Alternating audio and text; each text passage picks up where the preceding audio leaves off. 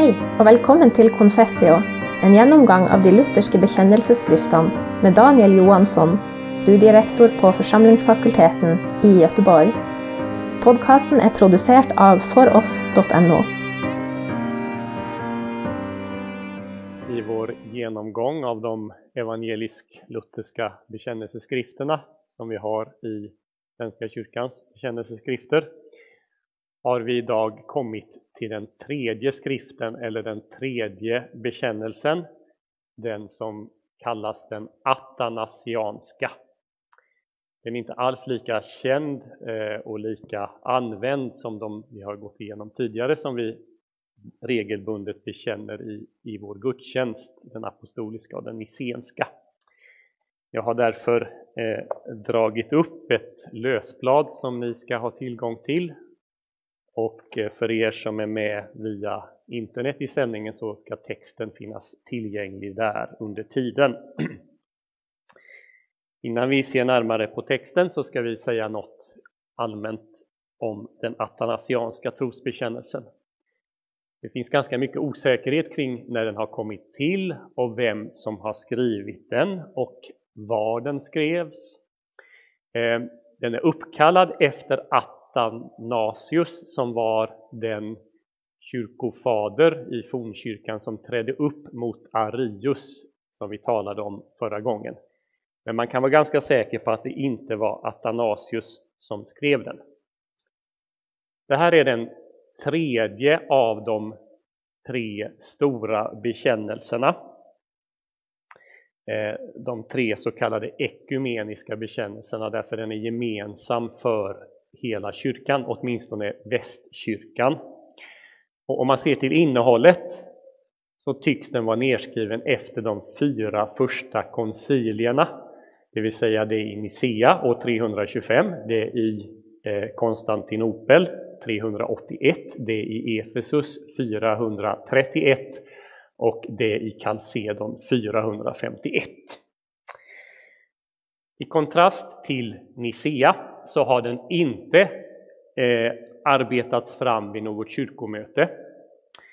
I kontrast till den apostoliska så kan man inte heller säga att det är en text som bara växt fram, utan den här måste vara nedskriven av någon av de tidiga teologerna. Att den inte är skriven av Athanasius, eh, det kan vi förstå därför att den är skriven på latin. Och Athanasius var en grekisk kyrkofader som talade och skrev på grekiska. Allt vi känner till från honom är skrivet på grekiska, så den är inte av honom. Den är dessutom, kanske lite märkligt kan det tyckas, okänd i den grekisktalande kyrkan ända fram till omkring år 1200. Man antar att den är nedskriven någon gång mellan 300-talet, i så fall i slutet, och 500-talet. Och de flesta lutar faktiskt åt att södra Frankrike är platsen för nedskrivandet. Från 600-talet och framåt så måste alla som blev präster i västkyrkan, i den latinsktalande delen av kyrkan, lära sig den atanasianska trosbekännelsen utan till för att sedan lära ut den till folket. Och idag så ska vi ju vi ska bekänna den här i gudstjänsten idag. Och då kan ni ju tänka på eh, att det innebär en hel del av memorerande eh, för att lära sig hela den här långa bekännelsen. Men av prästen avkrävdes det och man tonsatte den också och den användes i liturgin. Ehm, Luther han uppskattade den här bekännelsen väldigt mycket. Han sa så här. Jag vet inte om Nya testamentets kyrka har fått en mer viktig skrift sedan apostlarnas tid. Det säger någonting om statusen. Inte en skrift som är viktigare sedan apostlarnas tid. Och det här är en, en väldigt allvarlig bekännelse måste vi säga, för den börjar och den slutar med att slå fast att saligheten hänger på att man omfattar det som står i den här bekännelsen. Bekännelsen är, kan man säga, indelad i två stycken huvuddelar. Ni som har pappret framför er kan se att den är indelad i 40 stycken verser och för er som är med i, i sändningen nu så ska texten komma upp så att ni kan följa med. Eh, vi har som sagt en, en inledning på två verser och det som sedan följer 3 till 25 det behandlar treenighetsläran. Det är den första och den längsta delen i bekännelsen. Eh, därefter följer ett avsnitt från den 27 versen eh, till nästan till slutet, eh, till den 37 som handlar om kristologin, läran om Kristus. Och det mesta som står där handlar om vem Kristus är, Kristi person. Men mot slutet i eh, eh, en vers kan vi säga, så handlar det också om Kristi verk, vad han gör här på jorden. Efter det, i två eh, korta versar, så bekänns ytterligare två punkter. Dels tron på kroppens uppståndelse dels att alla människor ska avlägga räkenskap och att den räkenskapsdagen innebär en dubbel utgång.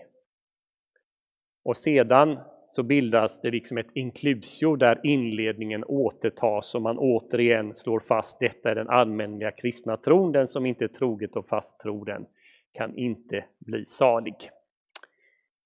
Nu ska vi gå tillbaks till början och sen ska vi se på mm, bekännelsen, eh, vad, den innehåller, i lite kortare avsnitt. Ehm, och eh, efter inledningen då så kommer vi till det första avsnittet som handlar eh, eller som omfattar verserna 3 till 6. Ehm, här tas det två stycken, ska vi säga, motsägande sanningar fram Å ena sidan varnas för att man gör, inte gör åtskillnad mellan personerna. Å andra sidan för att man splittrar gudomens odelade substans. Det kan ju låta lite obegripligt. Jag ska försöka förklara bakgrunden till det här. Eh, det var så i den tidiga kyrkan att man på olika sätt försökte förstå hur eh, Gud fader förhöll sig till sonen och till anden. Det var ungefär som med skådespelare. I den grekiska teatern så kunde en och samma skådespelare spela olika roller. Vad man gjorde var att man satte upp en mask för ansiktet och så kunde man byta mask och så tog man på sig en annan mask och spelade en annan roll. Så tänkte en del om gudomen, att Gud var en, men han hade uppträtt under olika masker. Först hade han uppträtt som Fadern i Gamla testamentet, sen uppträdde han som Sonen i Nya testamentet under kyrkans tid som Anden. Men den uppfattningen hade avvisats. Eh, och det är det man varnar för allra först. Jag läser vad det, vad det står här, men detta är den allmänliga kristna tron, att vi dyrkar en enda Gud i tre personer och tre personer i en enda gudom, där vi varken sammanblandar personerna, det var vad de här hade gjort som hade använt bilden av maskerna, och det kallar vi för modalism. modalism. Vi varken sammanblandar personerna eller söndra det gudomliga väsendet, det vill säga att vi håller isär dem alldeles för mycket. Eh, och så formuleras det vidare. En är nämligen Faderns person. Det är en person åtskild ifrån Sonens. En annan är Sonens person. Åter en annan den helige Anders person. Och det här språkbruket här, en annan, det kommer faktiskt ifrån Jesu avskedstal eh, till lärjungarna i Johannes evangeliet där han talar om en annan. Det ska komma en annan hjälpare, säger Jesus. Så det hämtar man upp här. Och för övrigt så är det ganska mycket i den här bekännelsen som kommer ifrån Johannes evangeliet. Ehm, och så kommer den sista i den här delen. Men Faderns och Sonens och den helige Andes gudom är en enda, lika i ära, lika i evighet, majestät. Det är inte frågan om flera olika gudar. Det är den första inledande delen. Den andra, som består av verserna 7 till 14, den tillskriver alla gudomspersonerna en rad gudomliga majestät. Sådan Fadern är, sådan är Sonen och sådan är även den helige Ande. Helt likställda. Omätlig, nej först kommer oskapad är Fadern och så kommer oskapade Sonen, oskapad är den helige Ande. Där skiljer sig Gud ifrån oss människor. Vi är skapade, allting annat är skapat. Gud är den enda oskapade och det gäller alla tre. Omätlig sägs det vidare att Gud är. Och sedan att Gud är evig. Fadern är evig, Sonen är evig och den helige Ande är evig. Och då kommer ni ihåg från förra gången ni som var med att det Arius förnekade, det var just att sonen var att, sonen inte var evig, att bara fadern var evig och att sonen sen hade skapats av först, först av allt. Men nu sägs här att även sonen är evig, den helige ande evig. Och så kan vi tycka det är lite nästan jobbigt upprepande här. Och likväl inte tre eviga utan en enda evig så som inte heller tre oskapade eller tre omätliga, utan en enda oskapad, en enda omätlig. Och nu förstår vi att det här är svårt att uttrycka. Jag kanske, vi ska inte säga att det är omöjligt att uttrycka, men det är svårt att uttrycka på ett sätt som är begripligt för vårt förnuft.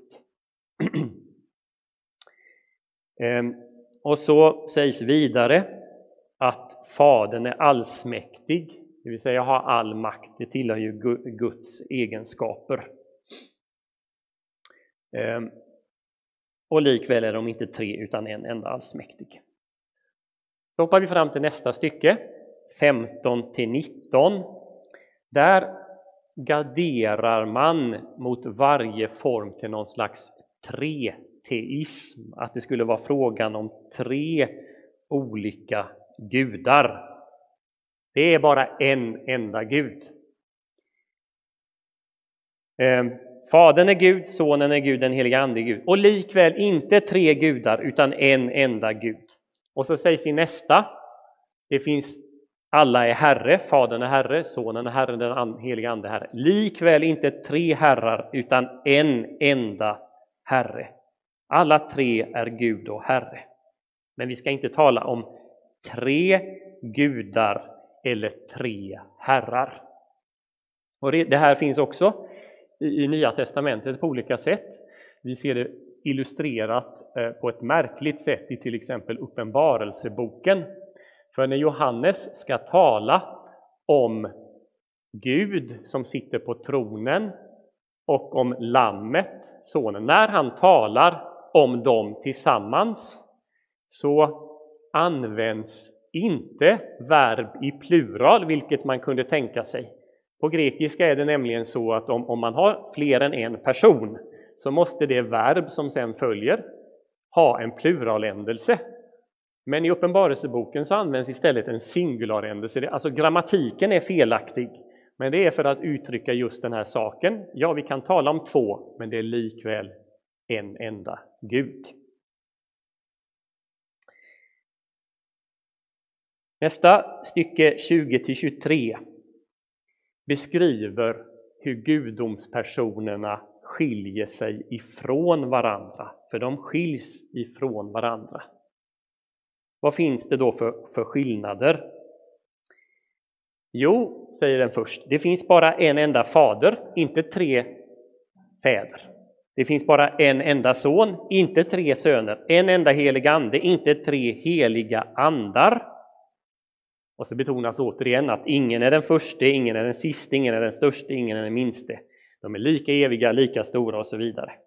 Och man bör dyrka dem i en enda gudom. Och, och, och traditionellt har man brukat säga så här att det som skiljer dem ifrån varandra är följande. Fadern är oskapad. Ingen har skapat Fadern. Och Fadern är inte född. Vad säger man om sonen? Sonen är oskapad, men sonen är född. Det skiljer sonen ifrån fadern, att sonen är född. Och den helige Ande då? Jo, om den helige Ande så säger man att han är evig och så vidare. Han är inte född, utan den helige Ande utgår ifrån Fadern och Sonen. Så oskapad, icke född om Fadern, Sonen är född, den helige Ande utgår. Där i skiljer det sig. Och när vi kommer till vers 24 och 25 och närmar oss slutet på det som sägs om treenigheten så betonas det på nytt deras likhet och jämställdhet. Och så sägs i vers 26, den som vill bli salig, han ska tänka så om de tre personerna i gudomen.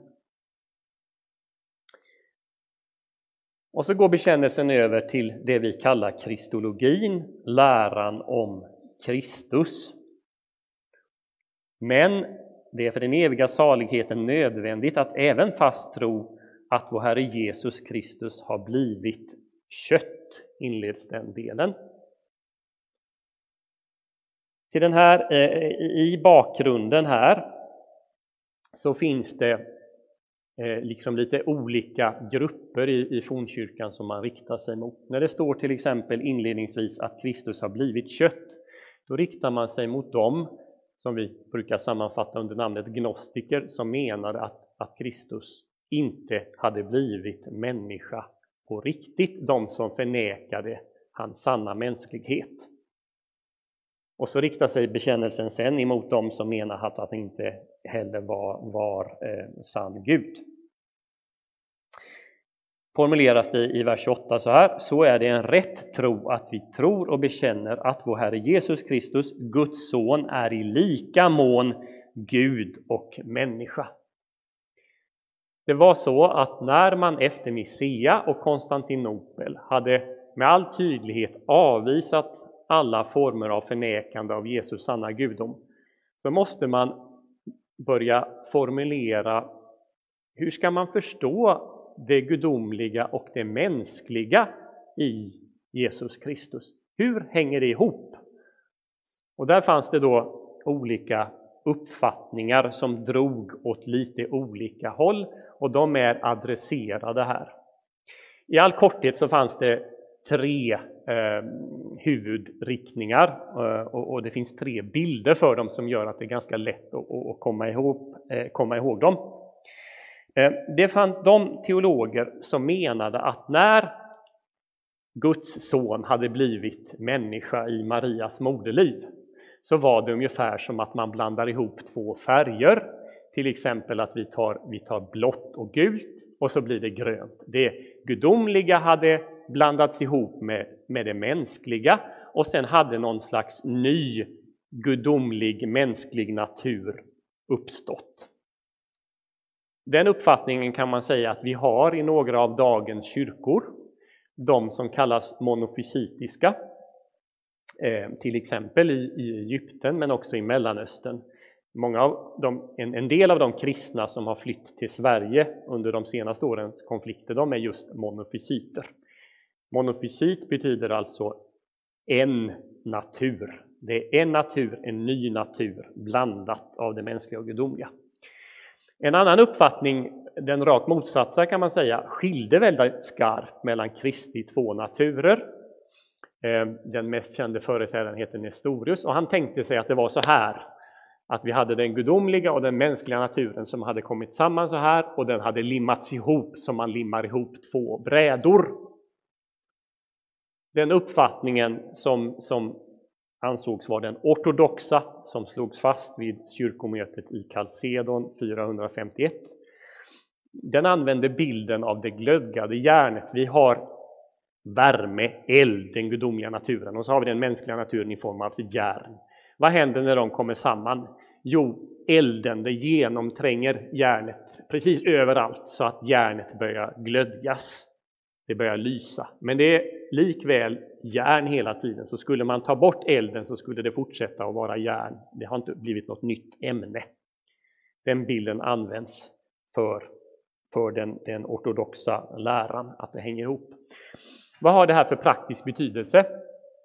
Jo, det har det, har det faktiskt på flera plan. Ehm, till exempel så är, är, är frågan, vad var det egentligen som Maria födde när hon födde Jesus i Betlehem?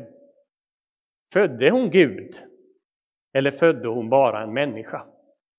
Nestorius menade att man kan inte säga att Maria födde Gud. Varför då? Jo, därför att Gud per definition inte kan födas på mänskligt vis. Och därför kan vi inte säga att Maria födde Gud. Vi kan säga att Maria födde Kristus. Vi kan säga att Maria födde den mänskliga naturen Jesus, men inte Gud. Men Kyrillus, som representerar den här, att det glödgade järnet, menar att vi kan faktiskt säga att Maria eh, födde Gud, därför att överallt där den mänskliga naturen finns, där finns också den gudomliga, eh, gudomliga naturen och därför kan vi kalla Maria för gudaföderska. På samma sätt är det med, med, med Jesu död. Eh, kan vi säga att Gud dog på korset? Nej, säger Nestorius. Varför då? Jo, därför att Gud per definition inte kan dö. Den mänskliga naturen kan dö i, i, i Kristus, men inte den gudomliga. Ehm. Ja, vad, vad, vad, sägs nu här då? Jo, att som Gud är han född av Fadern för all tid, som människan född av moderns väsen i tiden. Och så ska jag bara, jag ser att tiden börjar rinna ut, men några saker kan man påpeka. Den 31 versen, han är jämlik Fadern efter den gudomliga naturen, ringaren Fadern efter den mänskliga naturen. Om ni har läst Johannes evangeliet så vet ni att på flera ställen så står det att, eller Jesus säger att Fadern är större än honom. Ja, det kan Jesus säga enligt den mänskliga naturen, men inte enligt den gudomliga naturen. Låt mig till sist bara påpeka det som, som står om hans verk. Han har lidit för vår frälsnings skull, han har nedstigit till dödsriket, det vill säga att han har verkligen dött. Han har uppstått från de döda, han har uppstigit till himlarna, sitter på Faderns högra sida och därifrån ska han komma igen till att döma levande och döda. Det sammanfattar Kristi verk. Och så kommer det sista, nämligen om den dubbla utgången. Och de som gjort gott ska ingå i livet till hans återkomst, de som har gjort ont i den eviga elden. Och Det här är mer eller mindre ett citat ifrån Johannes 5.29 där Jesus säger samma sak. Till sist så upprepas det vi sa inledningsvis. Detta är den allmänliga kristna tron. Den som inte troget och fast tror den kan inte bli saliga. Det här är allvarliga och raka ord rätt in i en postmodern tid, men det här är den evangelisk-lutherska bekännelsen. Och vi ska se närmare på vad den säger om Gud nästa gång då vi ska tala om den Augsburgska bekännelsen. Tack för att du hörde på Confessio. Vi vill gärna tipsa dig om vår egen podcast, For oss-podden. Där finner du inspelningar med många olika talare och teman. Besök oss gärna på foross.no.